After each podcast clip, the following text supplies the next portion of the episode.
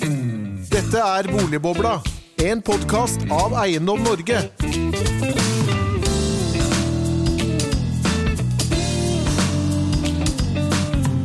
Hjertelig velkommen til en ny episode av Boligbobla, denne gang om postpandemisk hyttemarked. For hva nå etter tidenes hytteboom?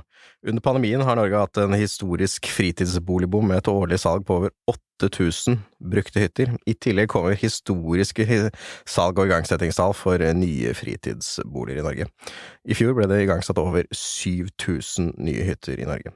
Men hva nå når pandemien er over? Og hva betyr høyere renter, økte strømpriser og byggekostnader for eh, hyttemarkedet? For å få oss gjennom dette temaet, så har vi invitert noen utmerkede gjester. Eh, hjertelig velkommen til deg, Stine Røsand fra Saltdalshytta, administrerende direktør. Tusen hjertelig takk. Og eiendomsutvikler Tinholt Eiendom, Terje Tinholt. Jo, Hjertelig takk. velkommen til deg. Det var på tide du fikk være gjest. Ja, nei, jeg, jeg har ikke skrapa på døren, men det er veldig hyggelig å bli invitert. Absolutt. Og ved min side sitter som alltid Eiendom Norge-direktør Henning Lauritzen. Hjertelig velkommen til deg også. Takk, takk. Vi må jo begynne litt grann med boligprisene, fordi, fordi det har jo vært overraskende hvor, hvor de to månedene vi har sett på, på året nå, Henning. På det ordinære boligmarkedet? Ja. Nei, da, det, det helt spesielle er jo at boligprisene har gått veldig kraftig opp. Først eh, så føk boligprisene opp 4,8% i januar, og så la de på seg halvannen prosent i, eh, i februar.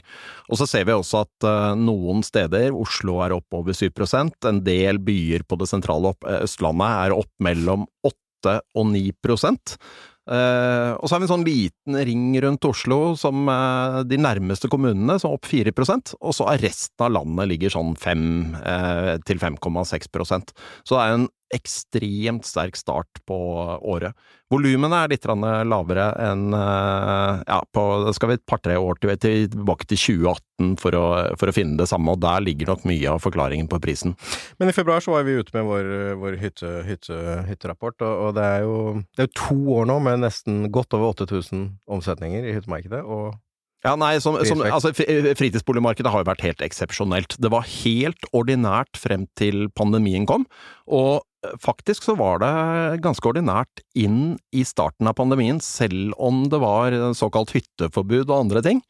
Og så skjedde det et eller annet i mai 2020. Da tok det av volummessig, og gjennom sommeren 2020 så var altså fritidsboligsalget, volumet, 70 høyere enn eh, året før.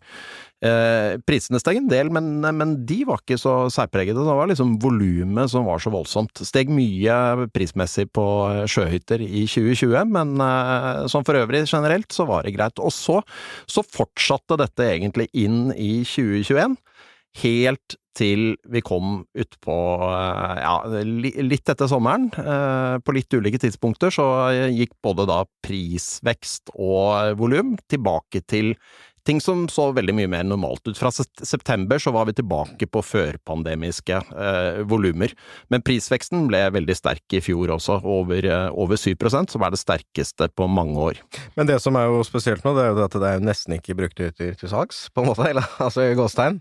Ja, Og for det andre at, at eh, pris, pris, prisantydningen for første gang, så har jo også hytteselgerne på de brukte hyttene fått mer enn enn antydningen. Ja, nei, historisk så har de alltid fått mindre, nå har de fått mer. Og så har vi kikket bitte litt grann på, på starten i året, vi kikket på de seks første ukene i år. Da er det veldig små volumer, så det tror jeg ikke vi skal legge så eh, enorm vekt på, men der så vi at uh, da må vi tilbake til 2015 for å finne så lave uh, volumer. Og noe av det samme har vi sett på bolig, at det har vært litt lavere volumer enn uh, en foregående år på starten av året. Men som sagt, altså, det er bare snakk om noen hundre, 500 hytter omtrent, så da er jeg veldig forsiktig med å overtolke de tallene. Stine, dette, dette er jo vært tidenes år for dette. Dere, Ja, det er har, det, er det fest? Det har vært litt kontoret Med fest. kake? Det har vært mye kaker. Nå har vi kake per 100 hytter vi selger, så det har vært Det var, Det er rekord, kake, kake det var rekordmange, hyt, eh, rekordmange kaker i, i fjor. Det var det. Eh, kjenner meg jo veldig godt igjen i, i statistikken dere drar fram her. Eh, vi hadde økning på 35% på mm, salgsvekst i fjor eh, i forhold til 2020, og 2020 var jo også et eh, fantastisk godt år. Så det, er, eh, det har vært eh, et rekordår på mange måter. Eh, og så har det også vært, vi kaller det litt sånn ekstremår òg, fordi det har vært ekstrem høy etterspørsel. Eh, samtidig så har det vært eh, ekstremt vanskelig å få tilgang til eh, materialer og råvarer, og eh, også arbeidskraft. Så det har vært et ganske heftig år, selv om det har vært eh, mye kake og eh, hurra på kontoret. Hvor, hvor er presset størst på tilgangen på ting? Hva er på en måte vanskeligst å få tak i? Folk eller Nei, materialer? Ja, i fjor så var det første halvår så var det folk. Ja. for da var det innreiserestriksjoner. Vi har veldig mange dyktige håndverkere fra Polen og Litauen eh, som, eh, vi, eh, som var vanskelig å få inn i landet en periode. Eh, så første halvår så var det folk, og andre halvår så var det vanskelig å få tak i en del trelast. Mm. Men hva nå. Nå- skal disse hyttene bygges, og eh, de er solgt, men de skal bygges. Blir de bygget? De blir bygget, definitivt. Vi eh, økte faktisk igangsettingen vår med 60% i fjor. Mhm. eh, og det går jo egentlig på to ting. Da. Det ene er at vi hadde et fantastisk bra salg i 2020 òg, Mm. eh, som vi igangsatte i fjor. Og så eh, har jo vi en fabrikk i Saltdalen oppe i Nordland, eh, så vi driver jo med mm, Og vi bygger jo elementer.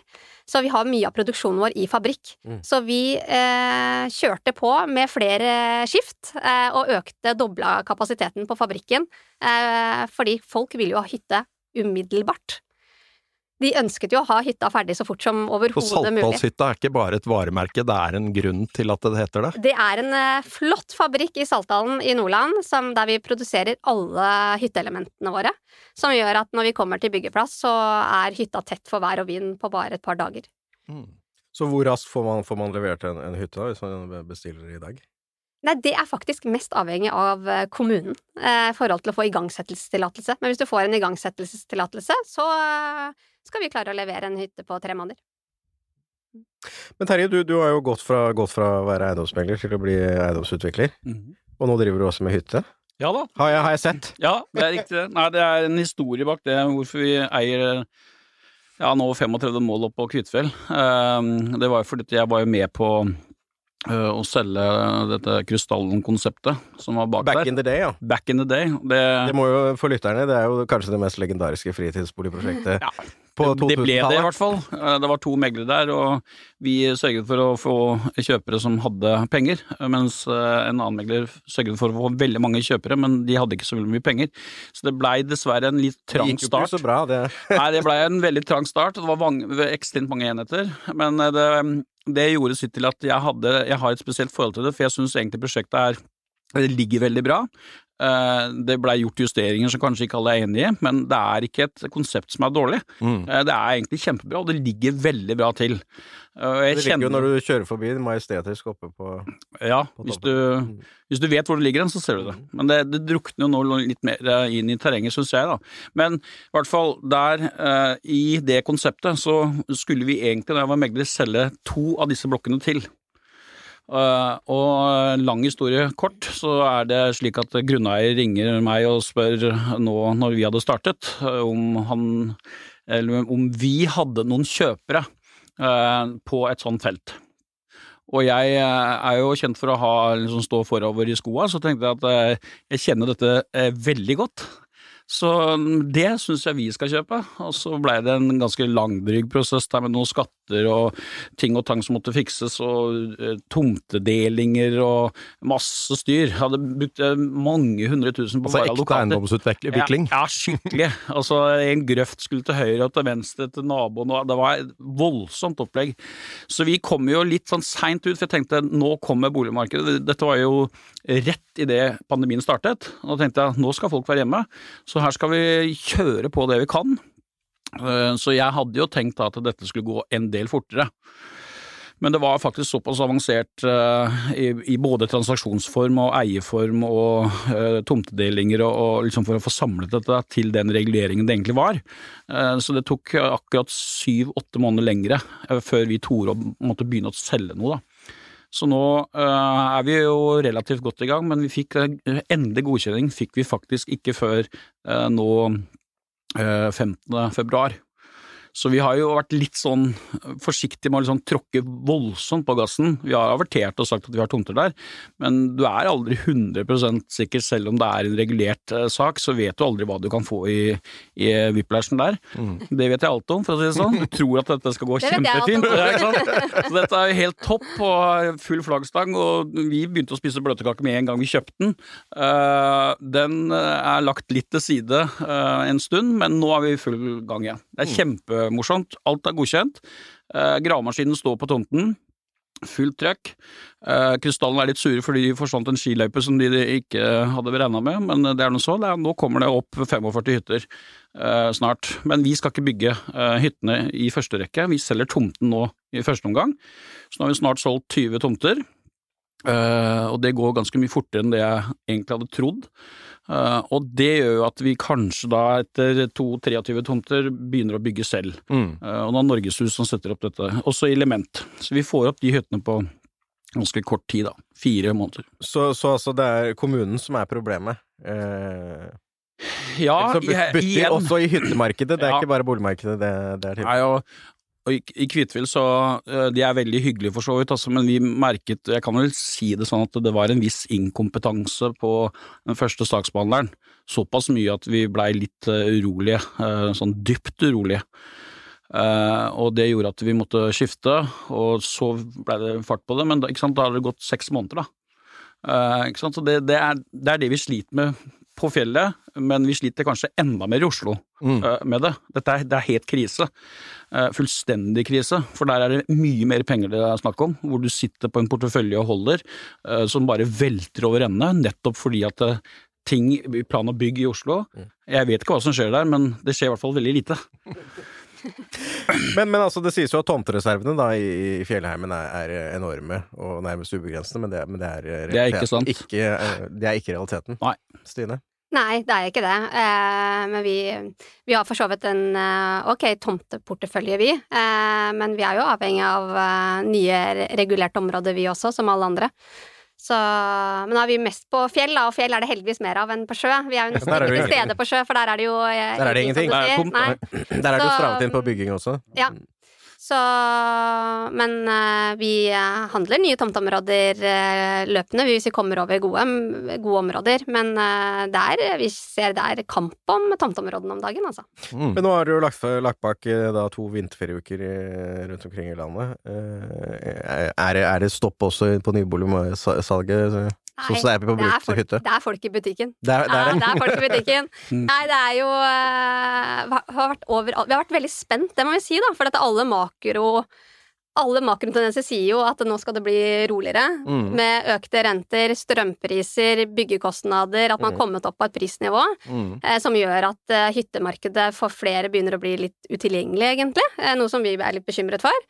Eh, men så har vi kjørt masse vinterferieaktiviteter, for det er jo høysesong for oss, eh, og det har vært gått over all forventning. Det har vært masse stinn brakke og morsomt med fellesvisninger igjen. Ja, vi har jo vært ja. to år med privatvisninger, mm, ja, så nå har det vært litt sånn hurrastemning i Fjellheimen igjen med åpning av visningshytter og aktiviteter og fått masse bra leads som vi skal jobbe med nå framover. Mm. Mm. Men altså, det, når det nesten ikke er brukte hytter til salgs, så, så, er det kanskje naturlig at mange potensielle kjøpere beveger seg over på, på nye hytter? Ja, og vi ser jo at uh, vi har jo flere kunder, vi som er uh, hos oss, uh, som har vurdert både brukthytter og nyhytter og står med, kall det én fot i hvert, hver leir.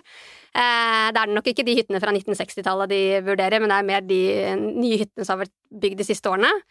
Men så er det jo rart med det når du først begynner å komme inn og se litt på tilvalg, og du kan få det akkurat sånn som du vil ha det og du kan kanskje gjøre om romløsninga litt også, så er det ofte at de som står da og vipper mellom, begynner, vipper over på nybygg, da.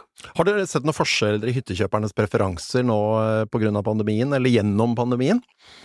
Ja, jeg tror hytta generelt tror jeg har blitt mye mer verdt for folk. Man har jo mhm. brukt den mye, mye mer enn det man har gjort før. Eh, og så er det kanskje et par tendenser vi ser. Det ene er jo at det er samlingspunktet. Mm. Du inviterer mer familie og venner på hytta enn du, du gjør hjemme. hjemme. Men du møtes på hytta i stedet. Helt riktig. Ja. helt riktig. Sånn at det er mange som ønsker god plass til overnattingsgjester, og du skal gjerne ha åtte, mulighet til åtte rundt bordet, ikke sant. At, du, at det ser vi. Og så er det jo litt den at uh, folk vil ha hyttekontor. Så mm. det er mm. veldig mange av Vi tegner jo om en del av hyttene våre. Vi har katalogmodeller, som, eh, og kunden har preferanser, som gjør at vi tegner om. Og da er det liksom, da skal vi stryke soverom tre, og så står det hyttekontor. Ta bort den der køyesenga på plantegninga, og sette inn en kontorpult.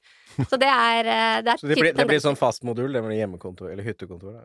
Ja, så tenker jeg for noen år siden så var jo det eh, noe man absolutt ikke skulle gjøre, for da var jo hytta fristedet. Mm. Mens nå med et litt mer fleksibelt arbeidsmarked, så tror jeg at eh, da har det ikke blitt det der harde skillet, og man ser heller verdien av å kunne komme seg eh, på hytta da, for de som ikke trenger å være i byen og fysisk. Rett ut i naturen etter jobb. Helt riktig. Ja. Helt riktig. Eller før. Eller før, ja. Første jeg gjorde idet vi lukket ned, var jo jeg reiste rett på hytta, pakka bilen full i omvendt Og så måtte du snu, da. Nei, og så Jeg kom opp, jeg hadde satt ut alle matvarene, gjort alt klart, og så syns jeg det er morsomt med litt verktøy og snekkeri, så jeg snekret en stor pult til mine to døtre. Alt av bøker var med, det var liksom full gass med lys og computer og full pakke. Så våknet de dagen etter, og så sa Erna at dere må hjem. Og du hadde ferdig Jeg hadde ferdig hyttekontor, jeg hadde til og med revet lettveggen til det soverommet, eh, og gjort alt var liksom helt shiny. Så du var blant de folk hyttet ut neven til, altså? Så i jeg, de, rakk, de rakk ikke å knytte neven, for jeg, jeg forsto at dette her jeg blir jo alvorlig. Eh, så har jeg en, en hyttenabo eh, som absolutt ikke ville være kjent for å, å ikke ha reist hjem, så vi, vi pakket Snippelsken snippesken ganske fort. Eh, Før noen så var i det. den køen som var sånn walk of shame tilbake til Oslo. Nei, nei, jeg kjørte på kvelden, så det var ingen som sov. Så, men eh, det er helt riktig, det vi merker, det at folk vil gjerne justere på hyttene og få dette hjemmekontoret eh, litt. Så vi eh, Nå er det Norgeshus som styrer den prosessen for oss, men jeg tror han har nok baller i luften, for å si det sånn. Få si ifra hvis han har for mange baller i lufta, så kan han komme til meg. Altså, vi har jo fristilt eh, halve feltet, eller 60, 60 er, er spranghytten som vi har tegnet til dette. Eh, fordi den skråner såpass mye i terrenget. Det er sånn panserutsikt fra alle tomtene.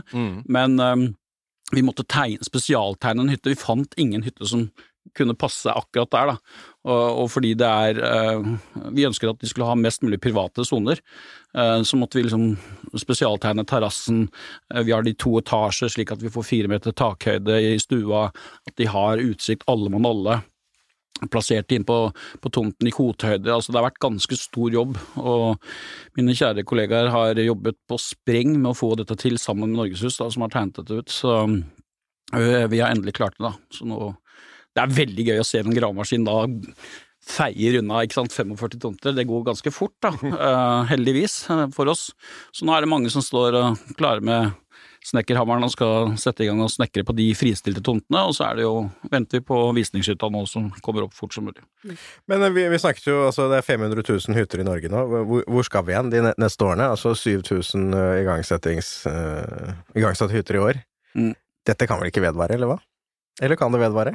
Jo, jeg tror det kan vedvare. Det er jo, det er jo ikke bare de siste årene det er blitt bygd mye hytter. Det har, vi har jo en tradisjon for hyttebygging. Det har vel ligget sånn på 5000 i året, men nå er det jo tatt til et nytt nivå, da. Ja, og jeg tror, nok at vi, jeg tror nok ikke vi ser den samme veksten fra det nivået vi er på nå, som vi har hatt eh, tidligere. Det tror jeg ikke. Men eh, at etterspørselen definitivt er der, og at hytta har blitt mer verdt for folk, eh, det, den tror jeg vi kommer til å se også, også videre. Så vi tror mer på en, at det flater ut, men vi tror ikke at vi kommer til å At det, markedet stuper framover. Det ser vi ingen tendenser til, i hvert fall ikke når vi er på pulsen på markedet sånn som vi er nå. Så, så stopper det ikke med det første. Men, men det blir ikke noe strømstøtte med det første, ser det ut som. Nei. Hva, hva, hva, hva tenker kjøperne om, om strømprisene?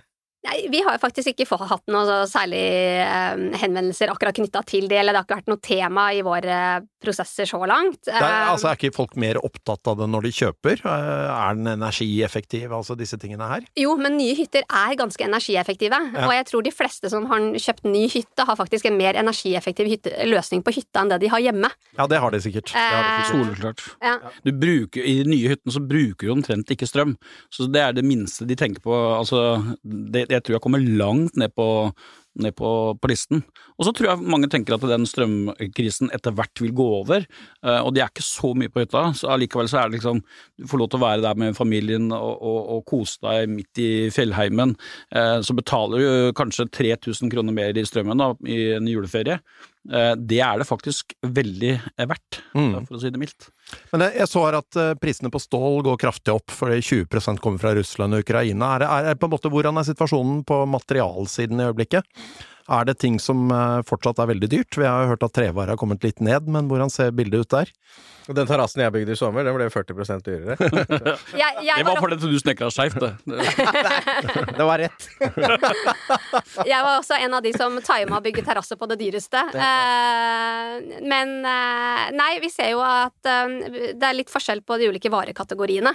Så enkelte, sånn som på trelast, har jo gått noe tilbake, men så har vi jo andre, som, andre råvarer som trenger mer energi, eh, som blir drevet av andre typer priser, som eh, har faktisk gått opp. Så sånn summa summarum så ser vi en svak eh, økning i byggekost og så videre, og nå er det jo et vindu, prisvindu nå 1. april, Mm. eh, som, eh, der hvor prisene kommer til å bli justert noe opp.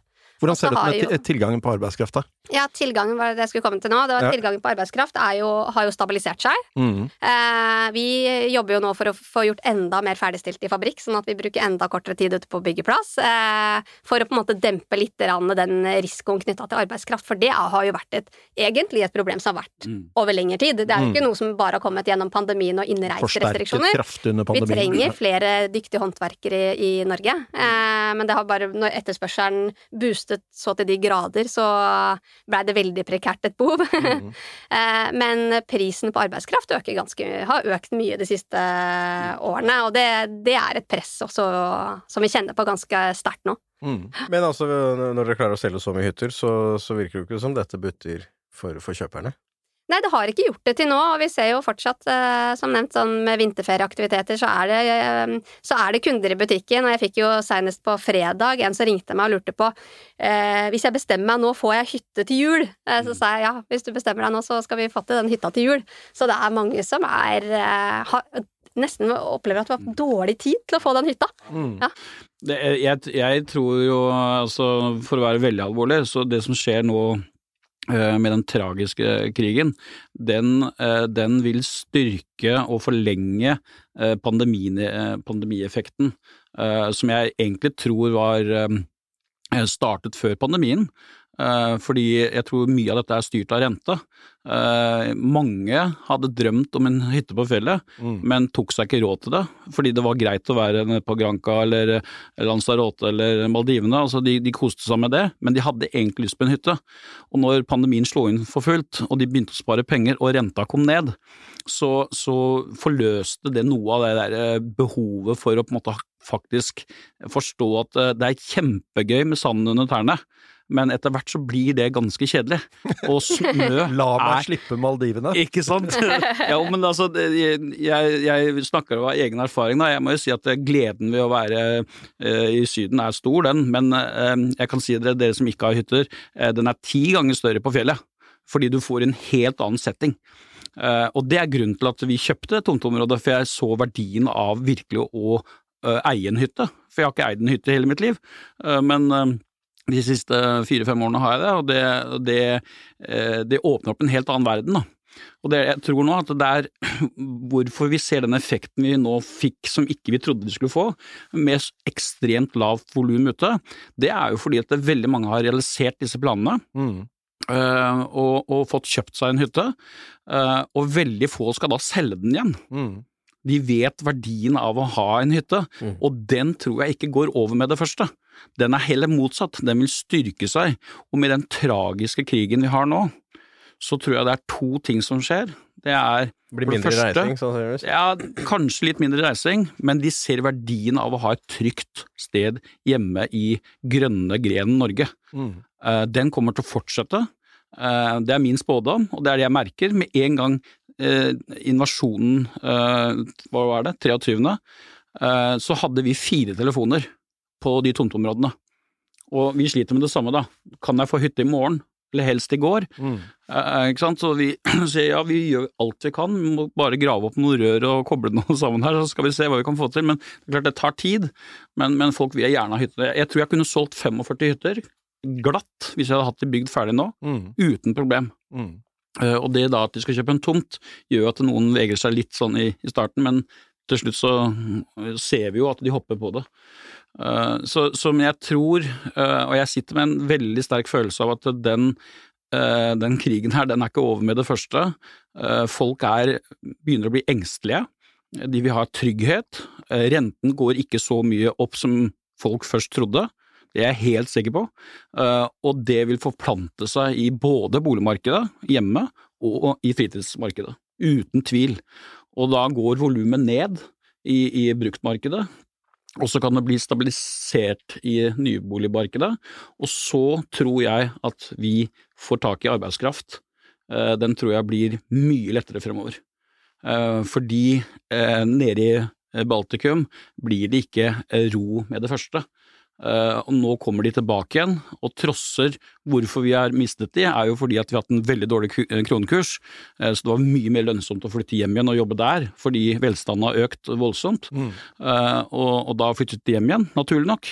Mens nå, når det blir uro der, en, en veldig skepsis til, til myndigheter og, og, ikke minst han despoten som holder på, så, så vil det være folk som heller vil bo her i hopetall, tror jeg.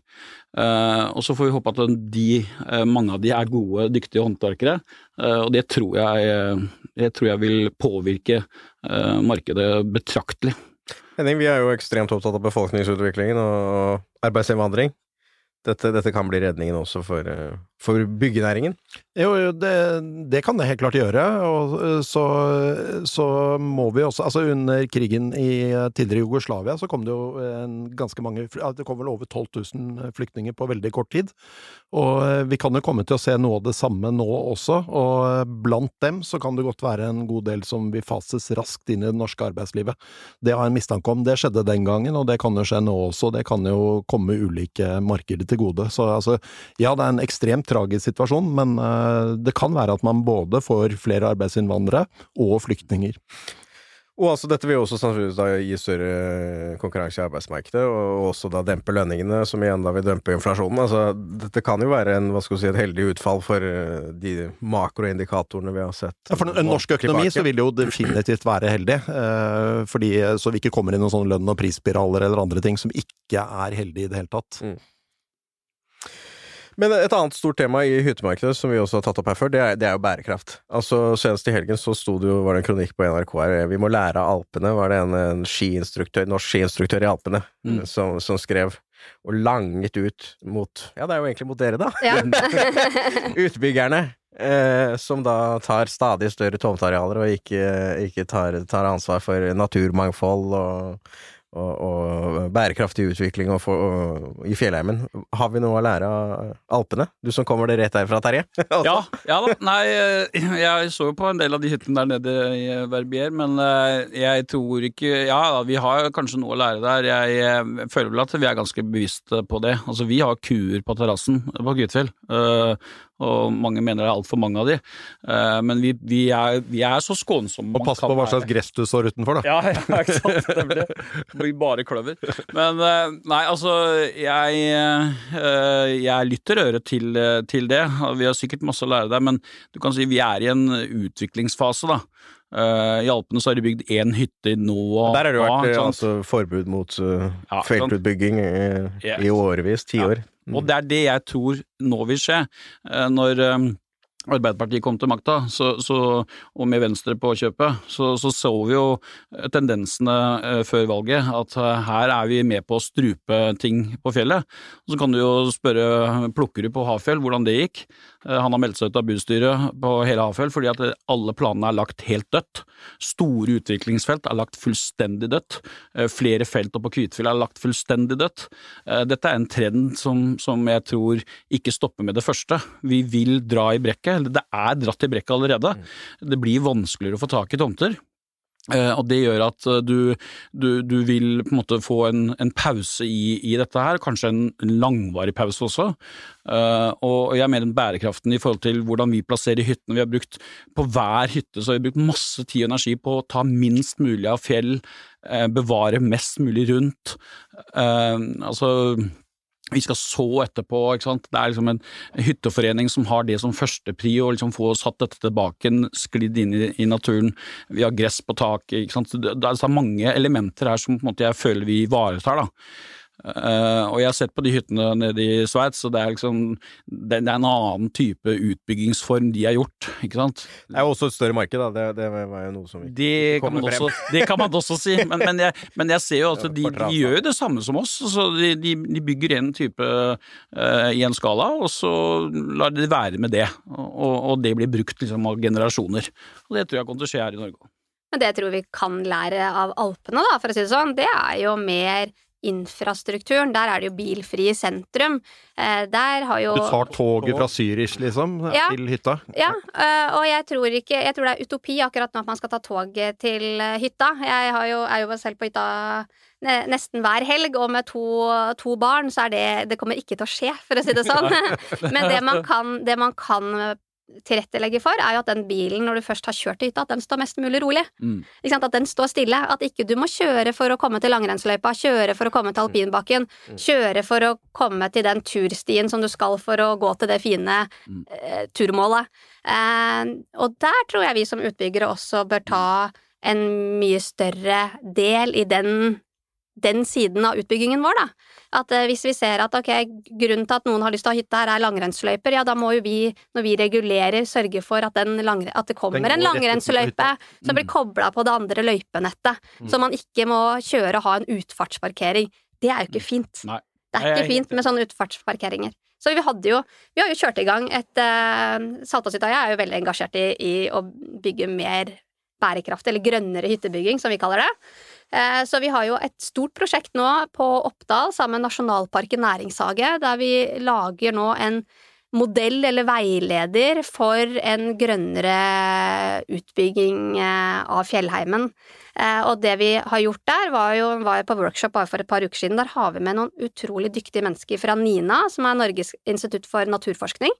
Eh, og de har virkelig åpnet øynene mine eh, forhold til hvordan man skal se på stedlige kvaliteter. Og de er jo ikke, selv om de kanskje har et standpunkt at man ikke skal bygge, så var de jo veldig på at de skjønner jo at det kommer til å fortsette å bygge, men da må vi bygge mest mulig på naturens premisser. Mm. Og da er jo, ønsker jo de et samarbeid med oss for å faktisk tilrettelegge for det, i stedet for at vi står på kom med noen eksempler på hva de spiller inn, Ja, hva, er, Nei, det er, hva er det de eh, sier? Er det Nei, de er, eh, for eksempel der så drar de fram Strava-data, Mm. eh, og så ser de hvordan er det området faktisk er brukt i dag, hva, eh, hvor er det man går, eh, og så har man tatt masse data på det, og så ser man ok, men hvis vi skal bygge her, så ønsker vi ikke at vi skal ha enda flere stier andre steder, man ønsker da å prøve å få eh, at Mm. atferden fortsatt skal være på den turstien som er, da må vi koble oss på det, for Så eksempel. heatmappene på Strava, de, de er, styrer på en måte hyttebyggingen? Helt riktig, Det og det er jo ikke sånn vi har tenkt på i det hele tatt. Så det er derfor jeg tror at vi må ha samarbeid på tvers da, av om det er fra Nina, eller om det er kommuner, eller om det er ulike utbyggere som går og Mm. setter seg rundt et bord, men at vi faktisk eh, For jeg tror det er, alle, det er ingen som ønsker å rasere naturen. Mm. Nei. Vi ønsker, jo, vi, Sannsynligvis øn, vi ønsker jo gode utviklingsprosjekt, og så er det jo kjempeviktig for oss at det er kommersielle gode prosjekt. Mm. For det som er minst bærekraftig av alt, er jo at vi går helt blir mørkegrønne og Mm. bygger noe som ingen vil ha etterpå. Mm. Da har vi jo både hatt inngrep i naturen uten at det har gitt noe verdi. Og det, og det, hvis man da kan få et samspill med kommunen på dette, Mm. at de forstår, fordi mye av problemet der blir at de har låst seg fast i noen maler som går på tvers av, av, av eh, disse øh, stiene og beplantningen og så videre, ikke sant. Så, og når du da som utvikler skal liksom si vi ønsker faktisk å tilrettelegge for en, en bærekraftig utvikling på en riktig måte også sammen med naturen, Mm. så, så får du liksom ok, da må det opp i bystyret, det tar seks måneder. Mm. Ikke sant? Så, så liksom det er en kombinasjon der av at uh, vi får liksom det, dette stempelet, det visste jeg jo før jeg startet som utvikler, men du har en stempel om at du er en råtassen kapitalist som, som bare skal høvle over med maskinen, og så stikker du, ikke sant. Mm. Men det er jo egentlig ikke sånn. Men, men vi merker jo, og det merker sikkert dere også, det er ikke, den samspillet med kommunen er ikke alltid like enkelt da, å få til. De har ikke, de har ikke lagd disse systemene til å være, være sånn dynamiske i- i den bærekraftige retningen alltid. Og det overrasker meg litt. det er jo noen da. som mener kommunen er mest opptatt av eh, å få hytter, så, hytter i kommunen, så de kan skrive ut eiendomsskatt. Ja, det, det, det er de nok for så vidt, men, men eh, jeg mener eh, det er veldig bra å ha samspill med de som kan denne naturen, men de må ta, altså kommunen og kommunestyrene må, må integreres i dette her, slik at de, de, får en forståelse for at vi kan få en dynamikk. Mm. Det, det å liksom si at vi ønsker dette det beste, må det ta åtte måneder før vi da får en godkjenning på denne hytten. Er det riktig? Mm. Dere ser jo at dette er riktig og, og bærekraftig og, og, og viktig å gjøre. Men eh, hvor, hvor, sitter på en måte kompetansen for å få til en sånn eh, bærekraftig utvikling? Altså er det, nå nevner du, nevnte du for eksempel dette med disse Strava-dataene. Det er jo sånn, det ville jeg aldri tenkt på hvis jeg hadde vært utbygger. Men, men hvor, hvor, får man tak i den kompetansen for å gjøre de rette grepene? Nei, jeg tror, jeg tror, det egentlig er der som er litt av der utfordringen ligger, da. For jeg opplever at alle aktører, kommunene, har krav på seg for å ha en grønnere utbygging, de òg. Vi som er utbyggere eh, må ta mer ansvar og, og, være med på denne utviklingen. Eh, men så er det ingen av oss som sitter på fasiten, for da hadde vi gjort det for lenge siden. Eh, og det er jo derfor vi har tatt initiativ da, til å starte dette prosjektet på Oppdal, og der har vi med Oppdal kommune. Mm. Så vi har invitert de inn, ja, så de det, er med i utviklingsprosjektet. Ja, og det er, det er, helt riktig. Hvis det er stort nok felt, mm. uh, så er det, det er måten å gjøre det på da, uh, vil jeg så tro. Så får dere bygd kompetanse selv, og hjelper kommunen til å bygge sin kompetanse også?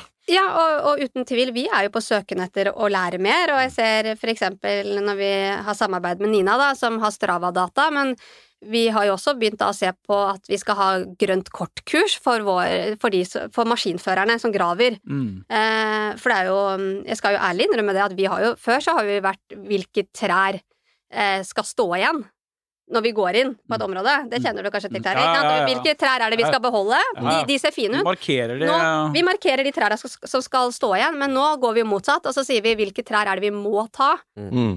for og bygge. Det, det, er en helt, det er en helt ja, annen innfallsvinkel. Mm. Og samtidig, istedenfor sånn som tidligere, så har vi kjørt på jord og sådd i etterpå. Det er et no-go. Eh, det er jo Ja, og, og hvorfor Istedenfor at vi nå skal prøve å eh, kjøre tilbake og, og pakke og, og faktisk bruke, bruke en del ressurser på det, da. Og det er jo for hyttekundene våre så ser det jo mye finere ut også. Mm, mm. Fremfor at det blir sånn villagrønt gress, så er det bedre med litt Men, men der, det syns jeg kommunen har, eh, i hvert fall både på Havfjell og Kvitfjell og uh, et par av de andre kommunene, har de, der, de har vært, der har det vært mye flinkere enn en tidligere, i hvert fall blir gir krav om det. Så vi må ha egne depoter mm. hvor vi legger uh, ting i, i, en ventestilling, og så legger vi det tilbake. Legger jorden tilbake igjen. Ja. Men jeg tror vi tjener på det på sikt, ja. Eh, vi også. Sånn absolutt, at, absolutt, men vi må, vi må, bli mer bevisste. Mm. Og det er i hvert fall det vi er i ferd med å Vi har en lang vei å gå fortsatt, men vi begynner å bli, lære mer, da, og det er jo utrolig spennende. Og så ser vi jo fra kundens ståsted, for nå er det jo litt av grunnen til at vi har startet med det, er jo ikke nødvendigvis bare fordi at vi opplever at kundene etterspør sånne type løsninger, men mer at vi ser at det blir vanskeligere å regulere nye områder. Mm. Vi skal jo være ærlige på det. Ja, ja. Det er jo derfor vi begynte ja. nå, fordi at vi ser at oi, gjør vi ikke noe nå, så blir vi jo out of business på tomtesida mm. hvis ikke mm. vi tar grep. Mm. Eh, samtidig så kommer jo markedet og kundesiden og etterspørselssiden også til å kreve det. Det er jo Klimasaken er jo Det blir en hygienefaktor etter hvert? Ja, klart det. Og klimasaken jo, var jo den viktigste politiske saken i forrige valg. Mm. Eh, blant um, de, den yngste målgruppa, men de er ikke helt i hyttemarkedet ennå, men de som var fra 30 til 45, mm. da. Mm. Der ja. er det den viktigste politiske saken. Eh, og så kan man jo se den utviklinga vi har hatt nå i elbilmarkedet. Det tok ikke av før funksjonskravene var der, med mm. rekkevidden mm. og designet. Mm. For det kom jo noen elbiler ganske tidlig med lav rekkevidde, og som så litt sånn Hadde en eh, buddy, jeg, som jeg velta med. Ja. så, den var ikke kul på vinterføre? Nei, den var eh, Det vil si, det var, jeg holdt på å velte med den, men hun som kjøpte den av meg, hun veltet faktisk rett inn. Så det, det er helt enig, det har med design å gjøre, og det Eh, det kan man også overføre til hyttene. da. Yes. Eh, at man da på en måte fortsetter en, en, utvikling av de hyttene som gjør at man virkelig kan få til et bra design, bærekraftig, mm. eh, energimessig. Altså, den, den, siste biten her er jeg ikke så veldig redd for, for de nye hyttene er jo ganske tette. Mm. Eh, så, så, så det, det, liksom, det, er ikke der det store problemet For tette vil noen påstå. ja, så du må inn med litt sånn hjelp. Ja, så når, når neste tech, det, blir vel noe, det er jo sånn nesten nullenergi eller noe som kommer, så da blir det tett som bare det. Ja, det er, det er tett nok, syns jeg, nå på, på, nybygg eh, nå. Så du må inn med noen vifter og sånn, for liksom, hvis det er mange i rommet og Hvis ikke du har ventilasjon, da. 850 mm. kvadrat. Mm. Så um, Det, jeg, jeg tror det, det, du har helt rett. Altså, du- man, man må liksom se funksjonen der, og hvis det bikker feil vei, så vil ikke folk ha det produktet heller. Så liksom, vi må jo gå i, i pakt med naturen, men samtidig også funksjonalitet. Og det er det vi har med i, i det arbeidet vi har nå med grønnere hyttebygging. Vi skal treffe et segment, og vi ser jo at det begynner å Og litt forhold til prisøkningen vi så på tidligere òg, at da er det jo hyttemarkedet blir utilgjengelig for flere. Men den, det vi snakker om nå, den utviklingen her, gjør jo at det kanskje blir mindre hytter, mer kompakte, eh, som gjør at eh, da fjellet blir for alle igjen, og at det er tilgjengelig, kall det for folk flest, da. Men eh, kjøperne, er dette noe de etterspørrer, eh, eller er det noe dere tror kommer? Nei, Vi ser en begynnende trend, men uh, når vi på en måte satt ordentlig fokus på grønnere hyttebygging, så var det ikke nødvendigvis fordi at kundene kom inn døra, men vi så at vi eh, kom til å bli møtt med sterk, eller strengere krav etter hvert. Da. Så selv om ikke de kravene er der nå, så er det noe med at eh, de tomteområdene vi kjøper nå, det skal vi jo regulere, og det tar jo litt det, Du kjenner til dette her, ja. Det tar jo noen år før man er, er kanskje mer igjennom. Ja, det, det kan man trygt si. Så, ja.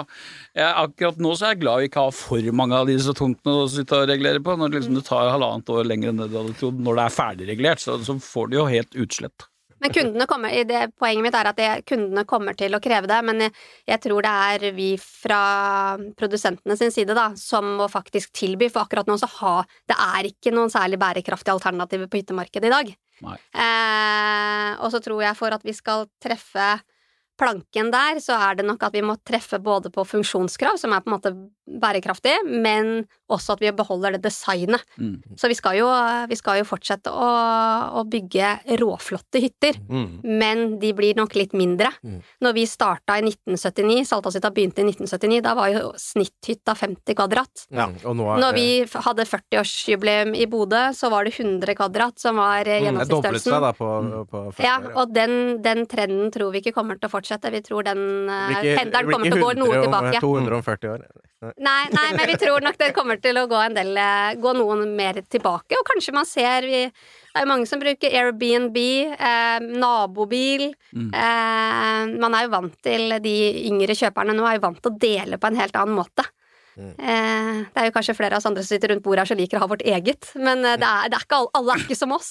Nei, det kommer en ny generasjon på det, men jeg, samtidig så tror jeg nok at den norske folkesjela den er ganske sånn traus. Vi vil gjerne ha styre litt selv. Ja, demografien er jo ofte påfallende stabil også, det er noe med det. Ja. Vi følger livsløpet. Ja, sånn. Men eh, vi, vi har jo satt et måltall på boligmarkedet, og det er jo at det skal bygges 300 000 boliger, eh, nye boliger på 2020-tallet. Hva, hva, hva tror vi på hyttemarkedet, da? Vi skal sette et uh, Hvor mye hytter blir det bygget på 2020-tallet i Norge? Så det er 500 000 fritidsboliger i, år. Det syns jeg er vanskelig å si. Ja, det har jeg, ikke, det- jeg har ikke et eksakt tall eh, på det. Nei, det, det er utrolig vanskelig å si, fordi at det kommer helt an på både reguleringsforhold og marked og, og eh, det, det som er jo eh, du, er, du er litt mer eh, på gass og brems på hyttemarkedet enn du er på boligmarkedet. Der er du liksom i Hvis du først er i gang der, så kan du ikke stoppe. Eh, mens på hyttemarkedet så kan du faktisk ganske fort eh, dra det tilbake igjen. da. Så hvis får vi ikke solgt en hytte, så ok, da, da bremser vi med en gang. Mm. Eh, lettere, kortere byggetid, eh, mye mer kontakt med markedet. Eh, det er også en av grunnene til at vi selger selv på Kvitfjell, for liksom jeg ville ha ordentlig fingeren inni grøtfatet på pulsen. Og, det vi ser nå, det er at eh, jeg, tror, eh, jeg tror etter hvert man må etter hvert ta, ta en sjanse på å liksom bygge den hytta fordi de vil ha det produktet ferdig med en gang, selv om du kanskje ikke har solgt tomten på forkant. Eh, Men det gjør jo også at du, du vegrer deg litt for å liksom sette i gang for mye også. Men igjen, jeg tror dette markedet vil holde seg meget stabilt og, og sterkt over lang tid. Mange spådde at det skulle gå rett til kjelleren for at alle skulle selge hytten sin igjen, men det skjer ikke. Det skjer ikke nå, og det skjer ikke om fire-fem år, eh, tror jeg, fordi at eh, du skal ha skattefritak eh, hvis du har fått stigning, og da gidder du ikke å selge med tap. det er fem år i hvert fall. Det er fem år, ikke sant. Ja. Um, og når du har hatt den hytta i fem år, så er du så vant til å ha den at da er det ikke så sikkert du, du selger den. det har blitt en rutine, og barna sier nei, Ja. vi skal ikke selge hytta. Ja, ikke sant. Og når du ser på prisveksten nå fra 2012, så har vi hatt ganske jevnt og godt sig oppover i hyttemarkedet. Uh, jevnt over. Og da er jeg tilbake til min mantra hele tiden. Vi lever i et fantastisk land. Uh, vi har ekstremt med, med penger, egentlig. Uh, vi har nok designvesker og, og, sko og alle de tingene som vi liksom har drømt om veldig lenge. Det er vi egentlig ferdig med. Nå er det skijakker og ski og altså rando og ikke sant. Som vi, vi, vi, vi koser oss i landet her, da, som gjør at vi søker etter det siste 10 prosenten eh, for å, å, ha best mulig livskvalitet, fordi vi har råd til det. Eh, og det eh, preger hyttemarkedet nå, og vil fortsette å prege det over lang tid. Det er ikke noe vi bare plutselig skrur av det her. Altså Da må oljeprisen Så så lenge nordmennene blir rikere og rikere, så ja. vil vi se en vekst yes. i hyttemarkedet? Yes. Ja. Nei, Det hørtes ut som en veldig bra avslutning. Vi, vi må jo gå inn for landing. Tiden går jo alltid altfor fort. Uh, men vi har alltid en fast spalte som vi spør gjestene, og det er jo da din uh, første bolig. Uh, hva, hva, kjente du? Hva kjøp, kjøpte du? Hva betalte du gjerne også? vi kan jo også ta hytte, hvis dere har hytte, men Stine, du først. Ja, din første nei, bolig? Ja, vi, og din første hytte? Hytta, ja, er det også. Nei, vi bygde Mannen min og jeg bygde et hus på Oppdal, eller via en utbygger, da. Eh, det begynner faktisk å bli Er det ni år siden nå? Så der bor vi, bor vi veldig godt uh, fortsatt. Jeg vet at du har noen prosjekter oppe i området, Terje. Mm. og så har vi en hytte som vi bruker veldig, veldig mye. Vi er der nesten hver helg. Den er på Budord halvannen time fra Oslo.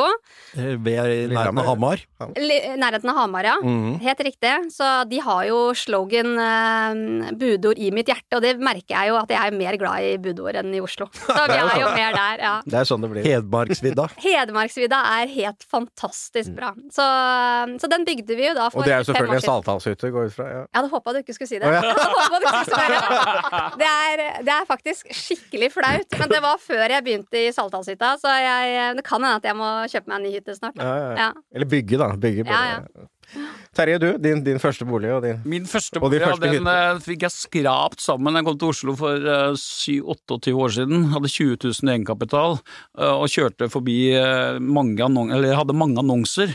kommer da fra Skien og visste at det skulle bli eiendomsmegler, så jeg skulle på BI, så jeg måtte ha noe som var litt sentralt rundt der og følte at jeg hadde gjort verdens beste kjøp fordi jeg hadde fått uh, kuppet leiligheten på 38 kvadratmeter. Det var på begynnelsen av 90-tallet? Ja, det var 96. Mm. Uh, fått kjøpt 38 kvadratmeter for 420 000. Jeg var overlykkelig, mm. uh, for jeg hadde funnet et perfekt område som var helt nydelig, og som sikkert var sånn high end-standard, uh, for det var midt på Carl Berner-krysset. og syntes det var helt strålende. 12 000 kroner meteren? 12 000 på meteren, og, og jeg husker vi måtte pansete huset til mor og far hjemme, og det var verdt 800. Mm.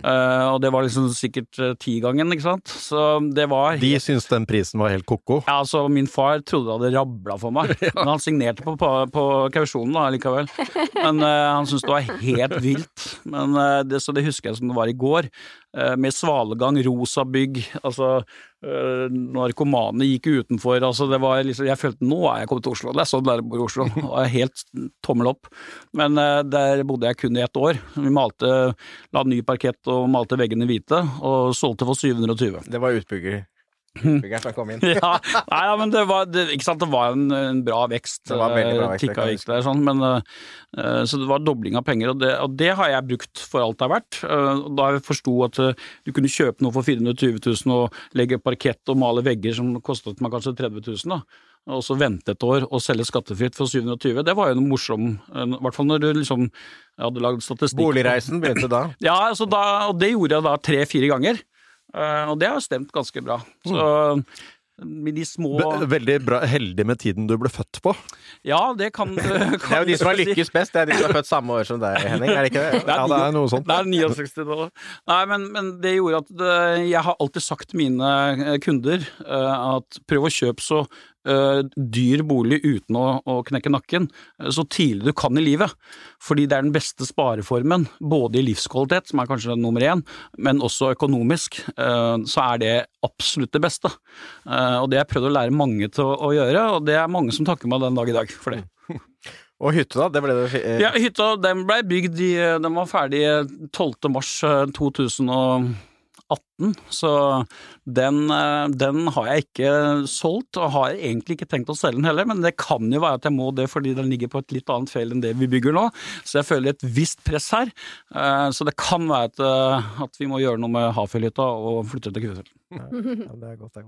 Nei, men hjertelig takk, Terje og Stine. Perfekt gjester for dette temaet. Og Henning, vi er tilbake med en ny episode før vi vet ordet av det. Så takk for denne gang.